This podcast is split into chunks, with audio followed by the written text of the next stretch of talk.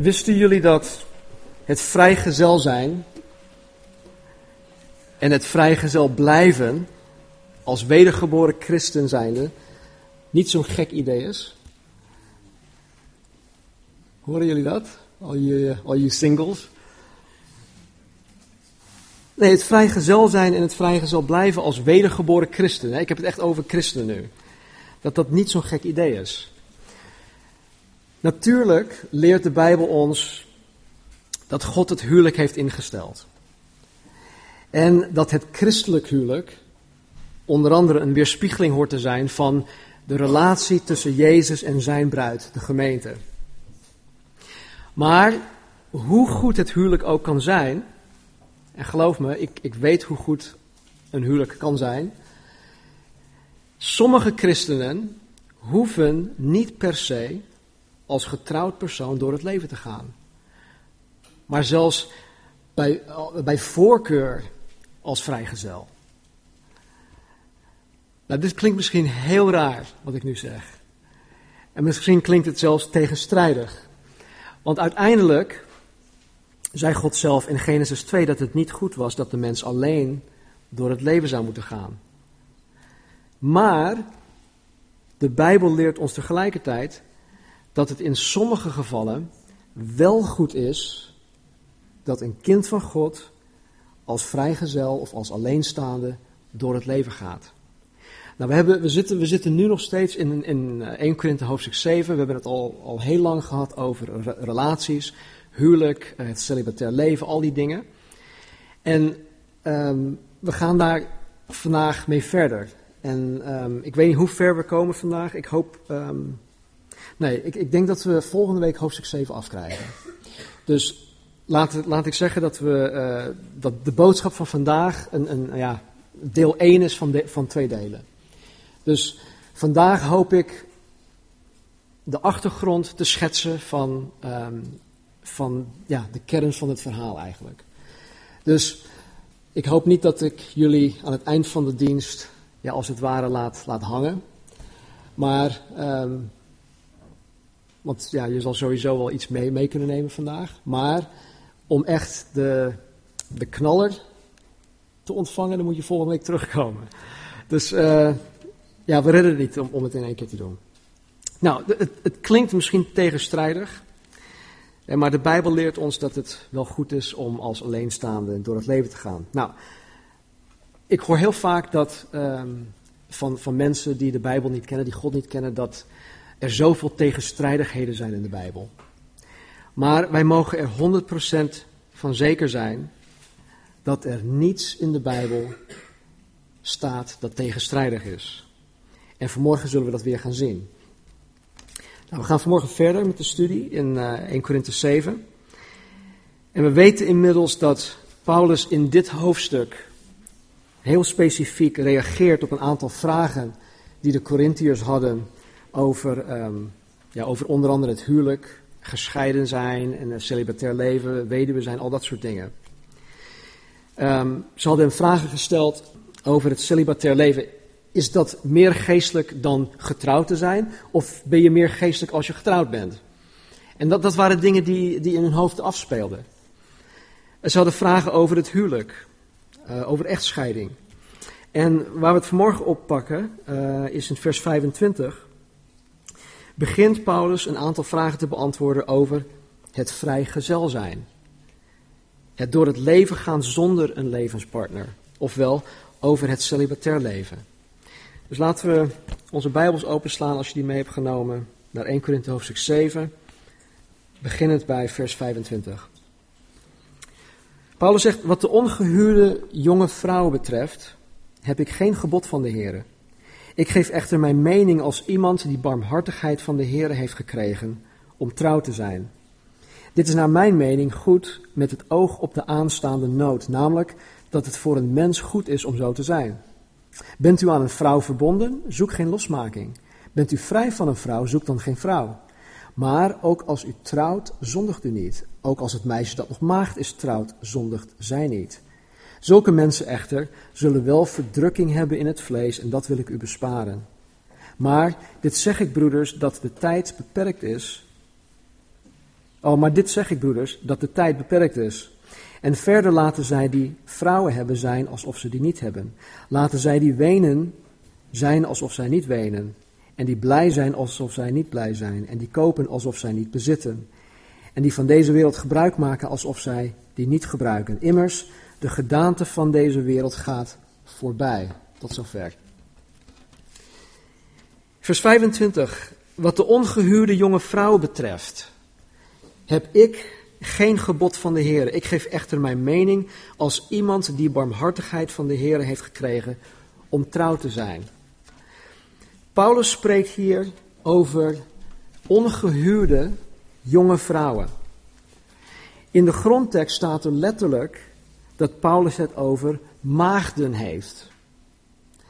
Eh, dus voor alle zekerheid, of voor alle duidelijkheid, dat zijn vrouwen die nog nooit eerder seksuele gemeenschap hebben gehad. Punt uit. In welke vorm dan ook.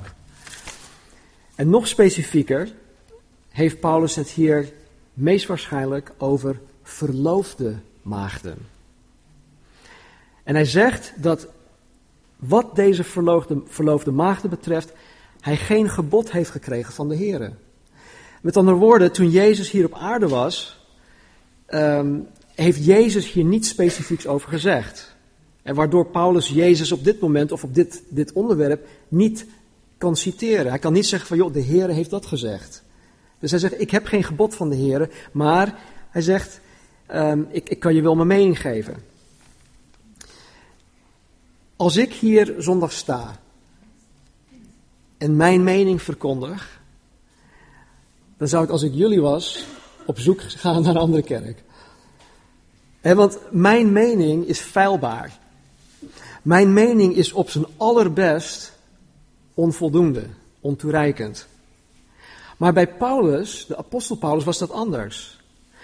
Paulus geeft hier wel zijn mening, zoals hij dat zegt, maar het is niet uit zichzelf.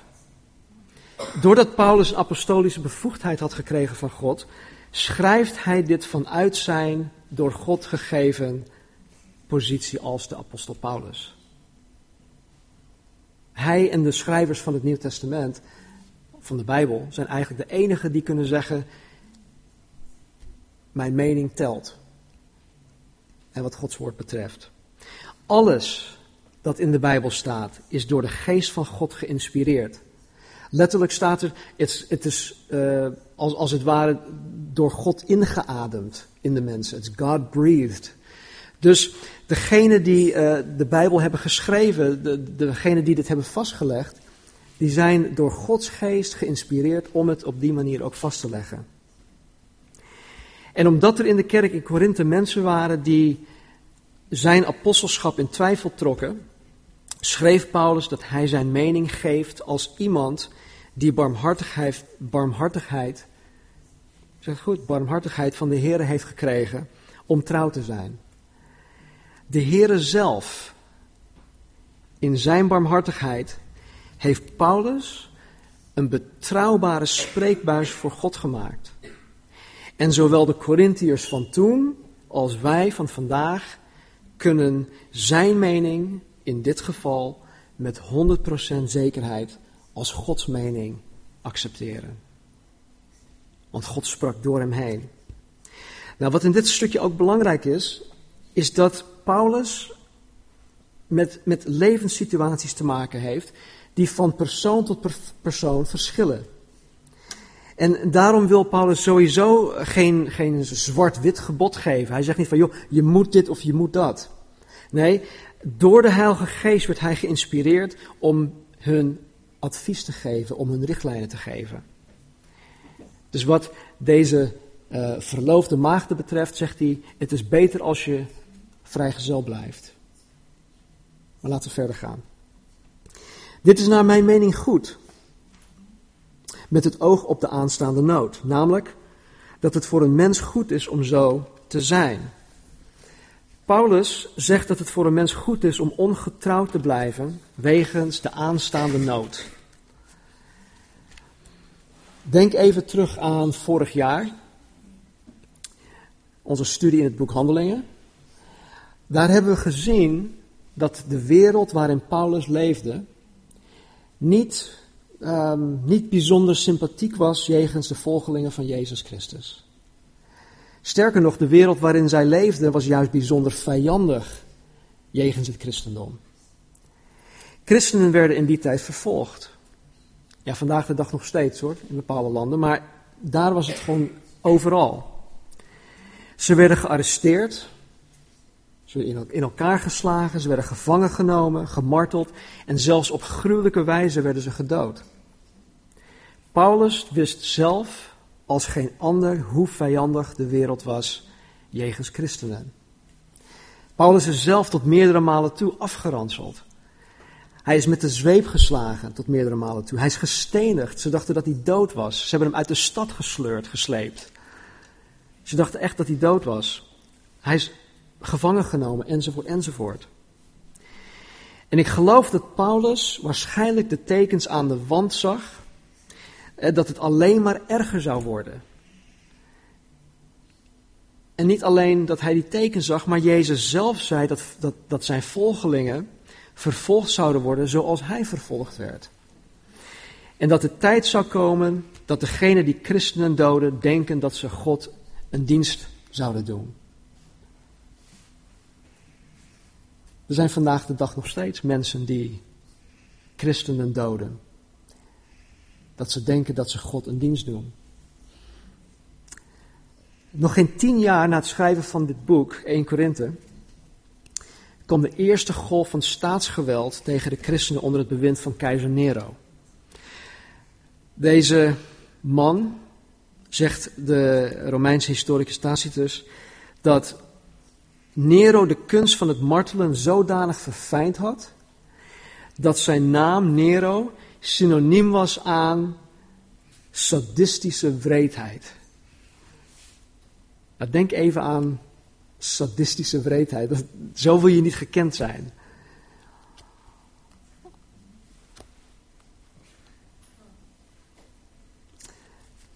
Nero heeft christenen gekruisigd. Zelfs ondersteboven. Nero heeft christenen levend verbrand. Hij heeft christenen gewikkeld in huiden van dieren en hun vervolgens aan wilde honden gegeven die uiteindelijk die christenen in flarden scheurden. Nero heeft christenen bekleed met kleding dat in kaarsvet of, of een of ander brandstof gedoopt werd. En heeft hen vervolgens aan palen vast, vastgebonden in zijn tuin. Heeft hen in brand gestoken. En heeft hen als het ware als, als menselijke fakkels in zijn tuin laten branden.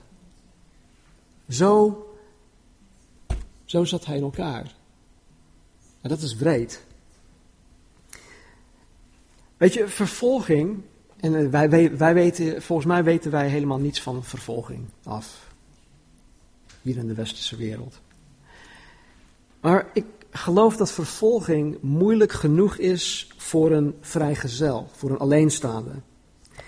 Maar de problemen en de pijn die daarmee gemoeid gaat, wordt alleen maar erger, wordt alleen maar vermenigvuldigd wanneer men getrouwd is en wanneer men kinderen heeft. Stel je voor, je wordt als vrijgezel gevangen genomen omdat je christen bent. Dat gebeurt. Niet hier in Nederland, maar het gebeurt. En als je geloof in Jezus Christus niet verlogent, dan word je gemarteld of je wordt op een gruwelijke wijze gedood. Nou, in zo'n situatie hoef je als vrijgezel eigenlijk alleen maar aan jezelf te denken. Maar wat als je als een getrouwde gevangen genomen wordt en je wordt bedreigd met de dood? Het eerste waaraan je zal denken is je vrouw of je man en je kinderen. Hoe moeten zij verder? Hoe moeten zij door het leven heen gaan zonder mij? Of nog erger, wat als je als een getrouwde gevangen genomen wordt en je wordt bedreigd met de verkrachting van je vrouw, of de marteling van je vrouw, of de verkrachting of marteling van je kinderen, van je dochters? Dan wordt het een heel ander verhaal. Dan wordt het een stuk moeilijker.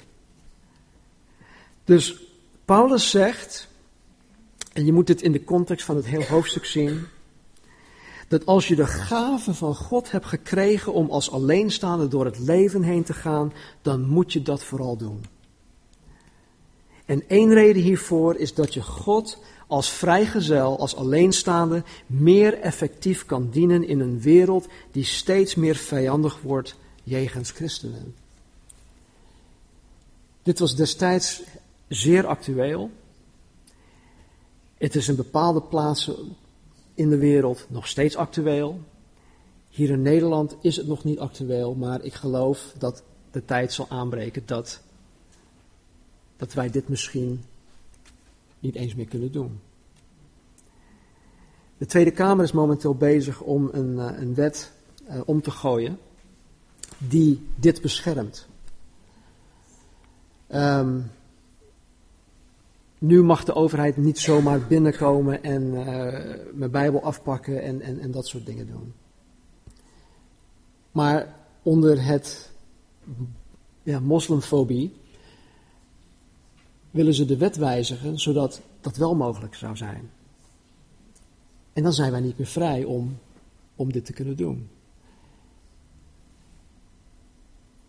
Ik weet niet of jullie het gemerkt hebben, maar de, de wereld is vijandig tegen jou, tegen ons. En ik geloof, wat de Bijbel ook zegt, dat het alleen maar erger gaat worden. Dus dat is een goede reden om als vrijgezel meer of, uh, door het leven heen te gaan, zodat je meer effectief de Heer kan dienen. Vers 27. Bent u aan een vrouw verbonden, zoek geen losmaking. Bent u vrij van een vrouw, zoek dan geen vrouw. Maar ook als u trouwt, zondigt u niet. Ook als het meisje dat nog maagd is trouwt, zondigt zij niet. Nou, daar hebben we het in de vorige studies al, al ja, uitgebreid over gehad, zo daar ga ik niet over in herhaling.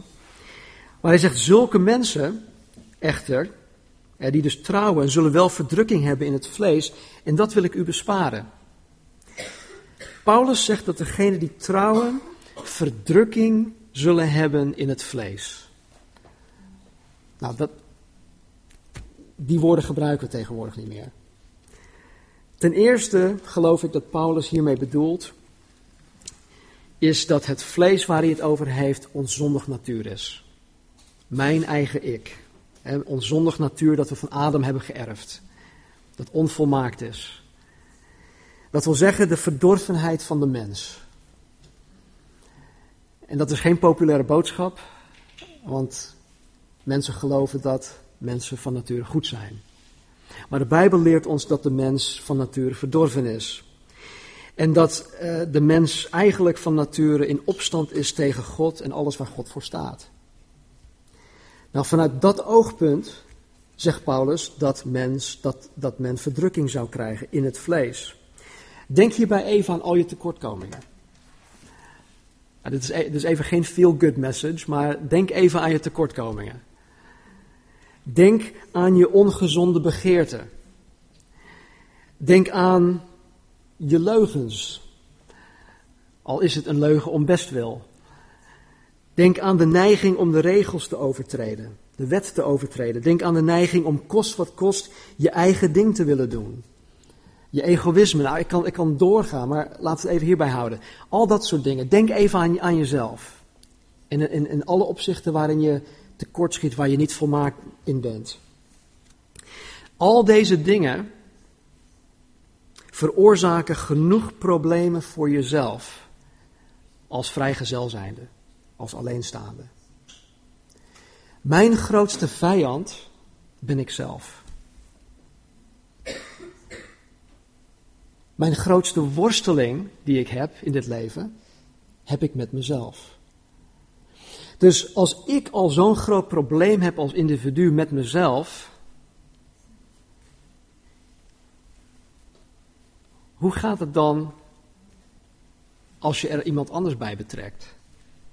Want stel je voor, jij die zondaar bent, met al je tekortkomingen, al je eigenaardigheden, al je zonden, gaat nu trouwen met nog zo'n zondaar. Met al zijn of haar tekortkomingen, eigenaardigheden en zonden. Je hoeft geen wiskundig wonderkind te zijn om te beseffen dat 1 plus 1 2 is. En dat wanneer twee zonde, zondaren een eenheid vormen, je tweemaal zoveel problemen zal krijgen. Geloof me nou. En dit bedoelt Paulus met de verdrukking in het vlees. En stel dat je na verloop van tijd nog eens wat kinderen erbij krijgt. In mijn geval heb ik vier kinderen. Dan heb je een huishouden vol zondaren. En dan een verzesvoudiging van alle problemen en verdrukking in het vlees. Geloof me, ik weet waar ik het over heb. Als je mij niet gelooft, vraag het aan mijn lieve vrouw.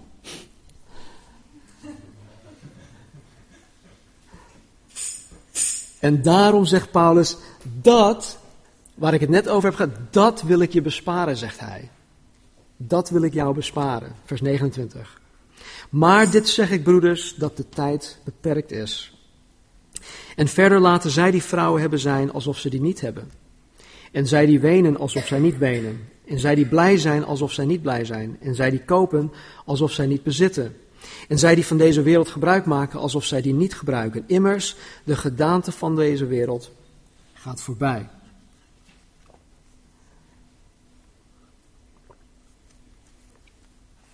Paulus betrekt het nu tot alle, alle gelovigen. En hij zegt dat de tijd die wij hier op aarde hebben beperkt is. Het woord beperkt dat Paulus hier gebruikt, betekent in de, grond, in de grondtekst in eerste instantie uh, reven. Nou, dat woord reven is voor mij nieuw. Dat moet ik toegeven, ik heb het opgezocht.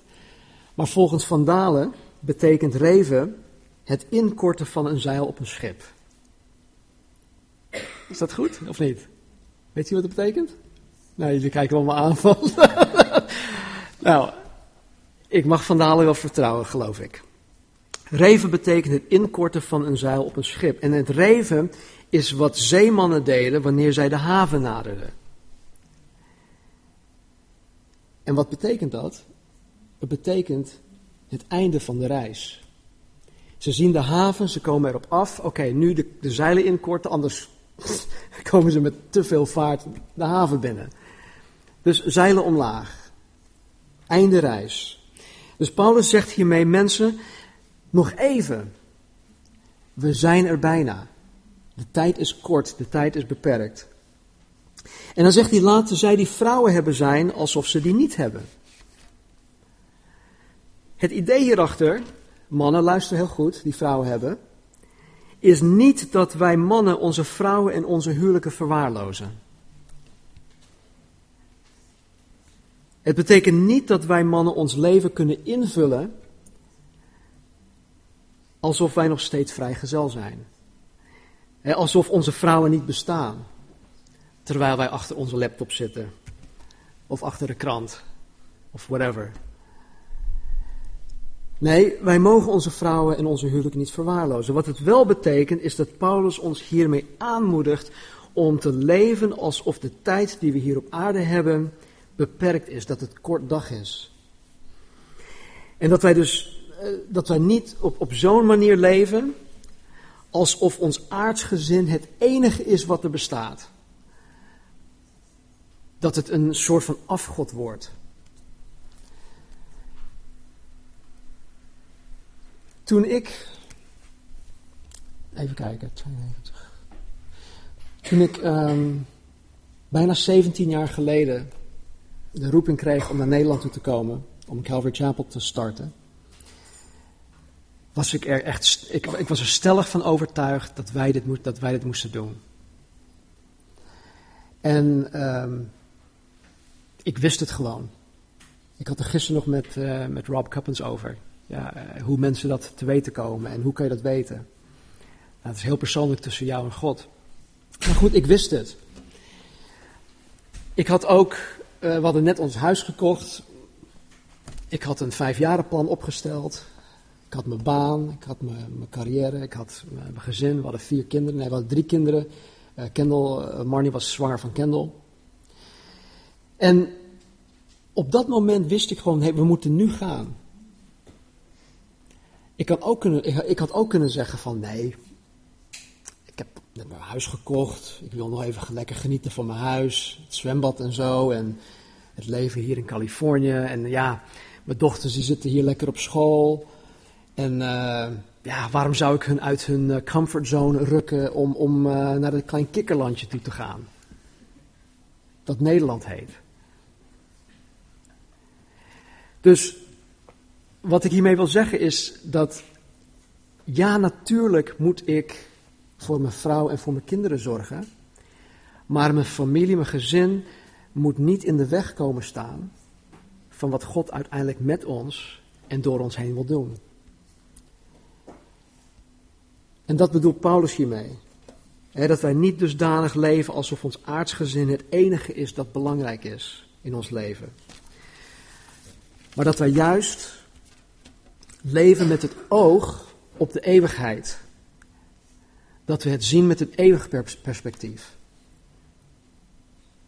Als ik zuiver en alleen maar met mijn gezin bezig ben, en dat kan, dat is heel goed mogelijk, dan verlies ik mijn effectiviteit in het dienen van de Heer. Punt uit. Paulus zegt ook, vers 30, laten zij die wenen alsof zij niet wenen. Laten zij die blij zijn alsof ze niet blij zijn. Zij die kopen alsof ze niet bezitten. En zij die van deze wereld gebruik maken alsof zij die niet gebruiken. Nou, het idee hier is precies hetzelfde. Als je verdriet hebt, en verdriet is heel echt, het is reëel, we hebben allemaal wel eens verdriet, sommigen meer dan anderen. Maar Paulus zegt, als je verdriet hebt, om welke reden dan ook, laat je daardoor niet overweldigen. Laat het je leven niet blijven beheersen. Natuurlijk, als, als je iets overkomt, moet je door een proces heen gaan. En daar geeft God je alle ruimte voor en hij wil je bijstaan en hij wil je daarbij helpen en hij wil je daar doorheen dragen. Maar er zal een punt komen dat God zegt: Oké, het is nu genoeg. Je moet verder. Dus laat je daardoor niet overweldigen. Als je blij bent over aardse zaken, aards succes, als je de staatsloterij hebt gewonnen, ga daar niet helemaal in op. Stel je voor, ik win 20 miljoen euro. En de eerstvolgende zondag ben ik er niet. Hé hey, joh, waar is Stan? Oh ja, hij is met zijn Ferrari even naar Italië toe, toe gegaan. Ga daar niet helemaal in op. Hecht je niet aan materiële dingen. Laat je niet verwikkeld en verstrikt raken in de dingen van deze wereld. Want, en dan geeft Paulus ons het antwoord, immers, de gedaante van deze wereld gaat voorbij. De Bijbel leert ons dat de wereld zoals, wij nu, die, zoals we die nu kennen, ooit zal ophouden te bestaan. Ik weet dat er in, door de eeuwen heen heel veel voorspellingen zijn gedaan. Van eind van de wereld dit, eind van de wereld dat, Nostradamus en nog meerdere hebben het gepredikt, verkondigd. Maar de Bijbel leert ons dat er ooit een eind aan zal komen. In 1 Johannes 2 vers 17 zegt Johannes, aan de wereld en haar zondige begeerte komt een einde. Maar wie doet wat God wil, zal eeuwig blijven leven. Dit, dit is de reden waarom Paulus ons aanmoedigt om te leven alsof het kort dag is. Het leven hier op aarde zoals wij die kennen houdt een keertje op. Het huwelijk tussen man en vrouw is iets dat behoort tot het aards leven. In de eeuwigheid bestaan er geen huwelijken. Dus alhoewel God het huwelijk heeft ingesteld en alhoewel het huwelijk voor God zeer belangrijk is, zegt God: leef niet alleen voor je huwelijk, want dat is tijdelijk. Maar leef met het oog op de eeuwigheid. Want dat is blijvend. Verdriet blijdschap, bezittingen, wereldse dingen. Ze zullen allemaal ophouden te bestaan. En daarom zegt Paulus dat de tijd kort is en dat wij niet verwikkeld en verstrikt moeten raken in zaken die vergaan. Jezus zei in Matthäus 24, 44, Daarom moeten ook jullie klaarstaan. Jullie moeten klaarstaan. Want de mensenzoon, hij heeft het over Jezus, komt op een tijdstip waarop je het niet verwacht.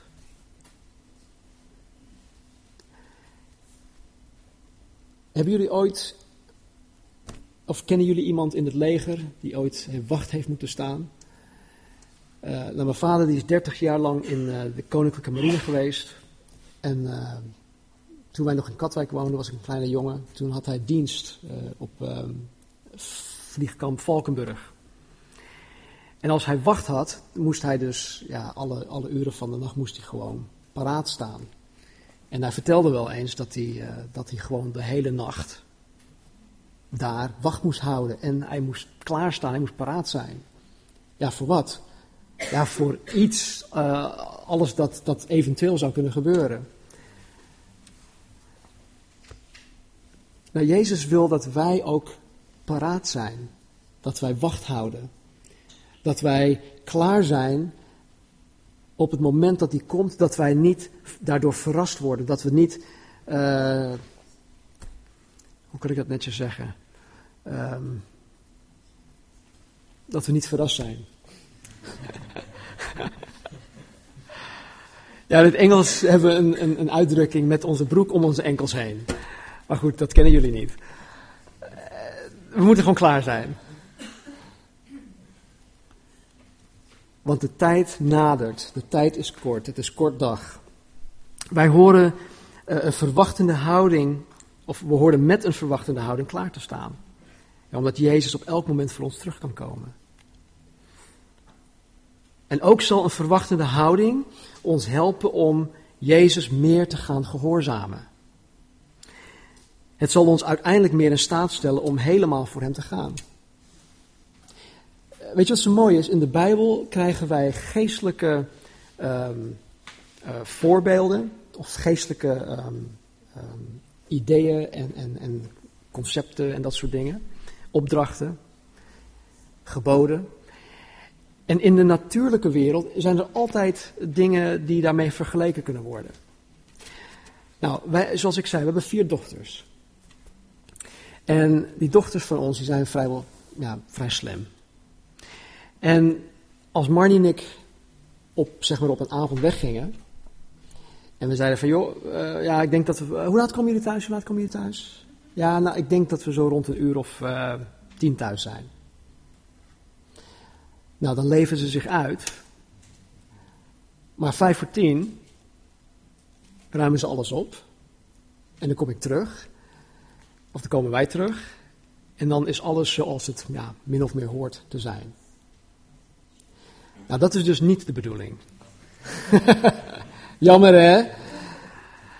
Nee, liefst heb ik als vader zijnde dat die meiden mij gewoon te allen tijden kunnen terugverwachten. Van joh, pa en ma komen terug, kunnen elk moment terugkomen. Ze zeiden wel tien uur, maar ja, wat als ze half negen terugkomen? Ja, we moeten, we moeten gewoon uh, onze zaken op orde hebben. En dat vraagt God ook van ons. Niet dat we ons uitleven, hè, rare dingen doen, tot op het moment dat je denkt van ja, nou misschien komt hij vandaag terug. Nu ga ik het even, even in orde maken. Nee. Het zal ons uiteindelijk meer in staat stellen om helemaal voor hem te gaan. Weet je, en dat is de hoofdreden dat het nog niet zo'n gek idee is om als wedergeboren christen vrijgezel te blijven. Als God je die gave heeft gegeven, dan ben je als vrijgezel beter in staat om Jezus Christus, onze koning en Heer, ten volle te dienen.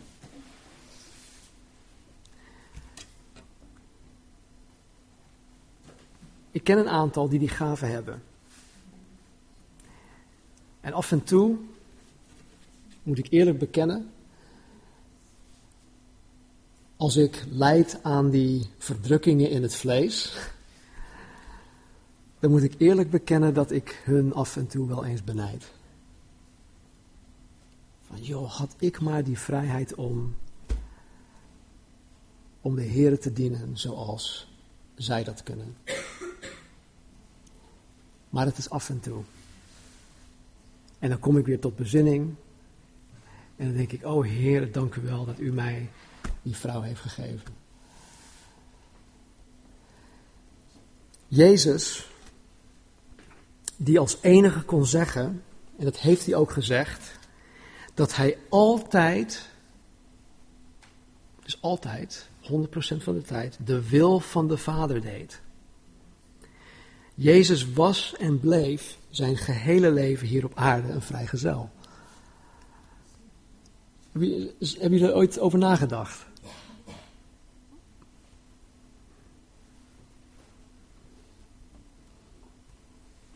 Laten we bidden. Vader, ik dank u voor uw woord. Heren, dat het in balans is. Heren, dat u ons in evenwicht brengt. En ja, Vader, u heeft het huwelijk ingesteld. En Heer, het is een geweldig iets. En ik dank u, Heer, voor de huwelijken die bestaan, Heer, in Cross Culture Calvary Chapel. Dank u ook, Heer, voor de toekomstige huwelijken.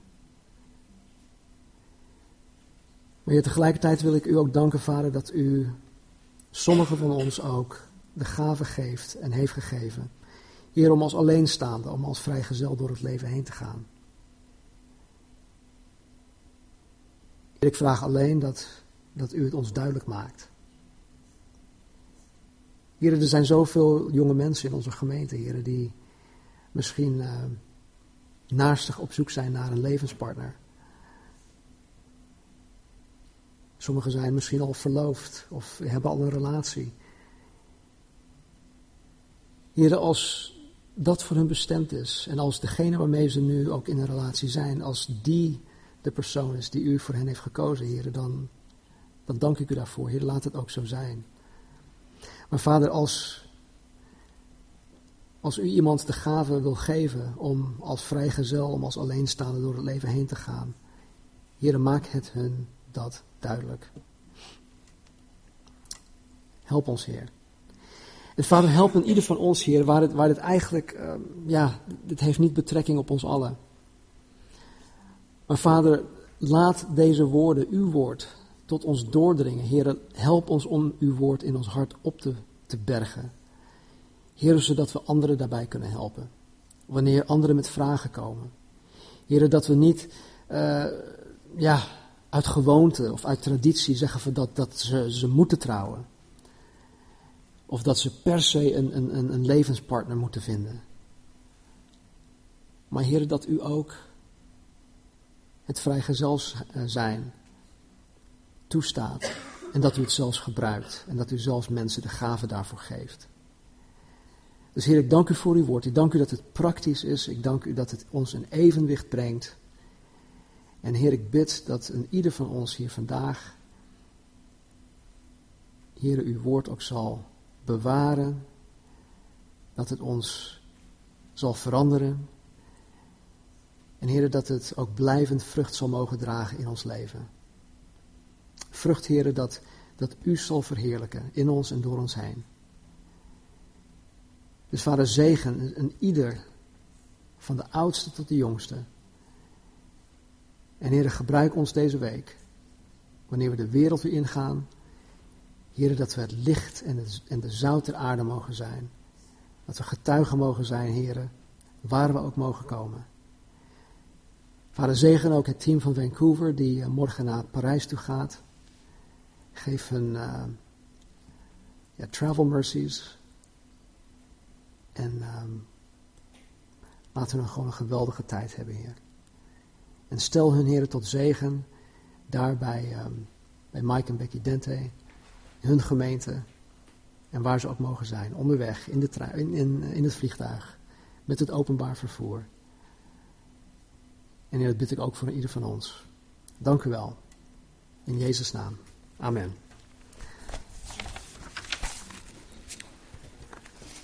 Laten we gaan staan.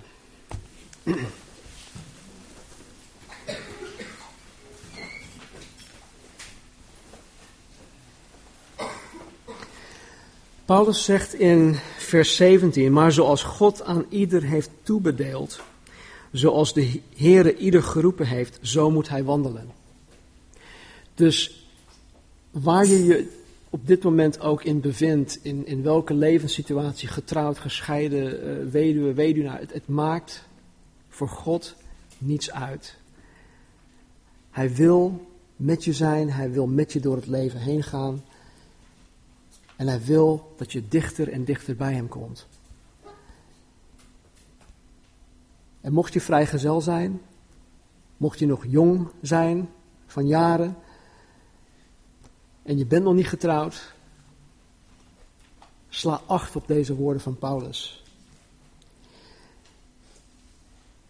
Er is nog iets erger dan te moeten wachten op een levenspartner. En dat is achteraf te zeggen, had ik maar gewacht. Dus ga met die gedachte. En wees gezegend. En laat God je leiden. Laat God je vervullen met zijn geest, met zijn liefde, met zijn genade. Zodat wij de wereld om ons heen kunnen aanraken met wie Hij is. In Zijn naam, voor Zijn glorie. Amen.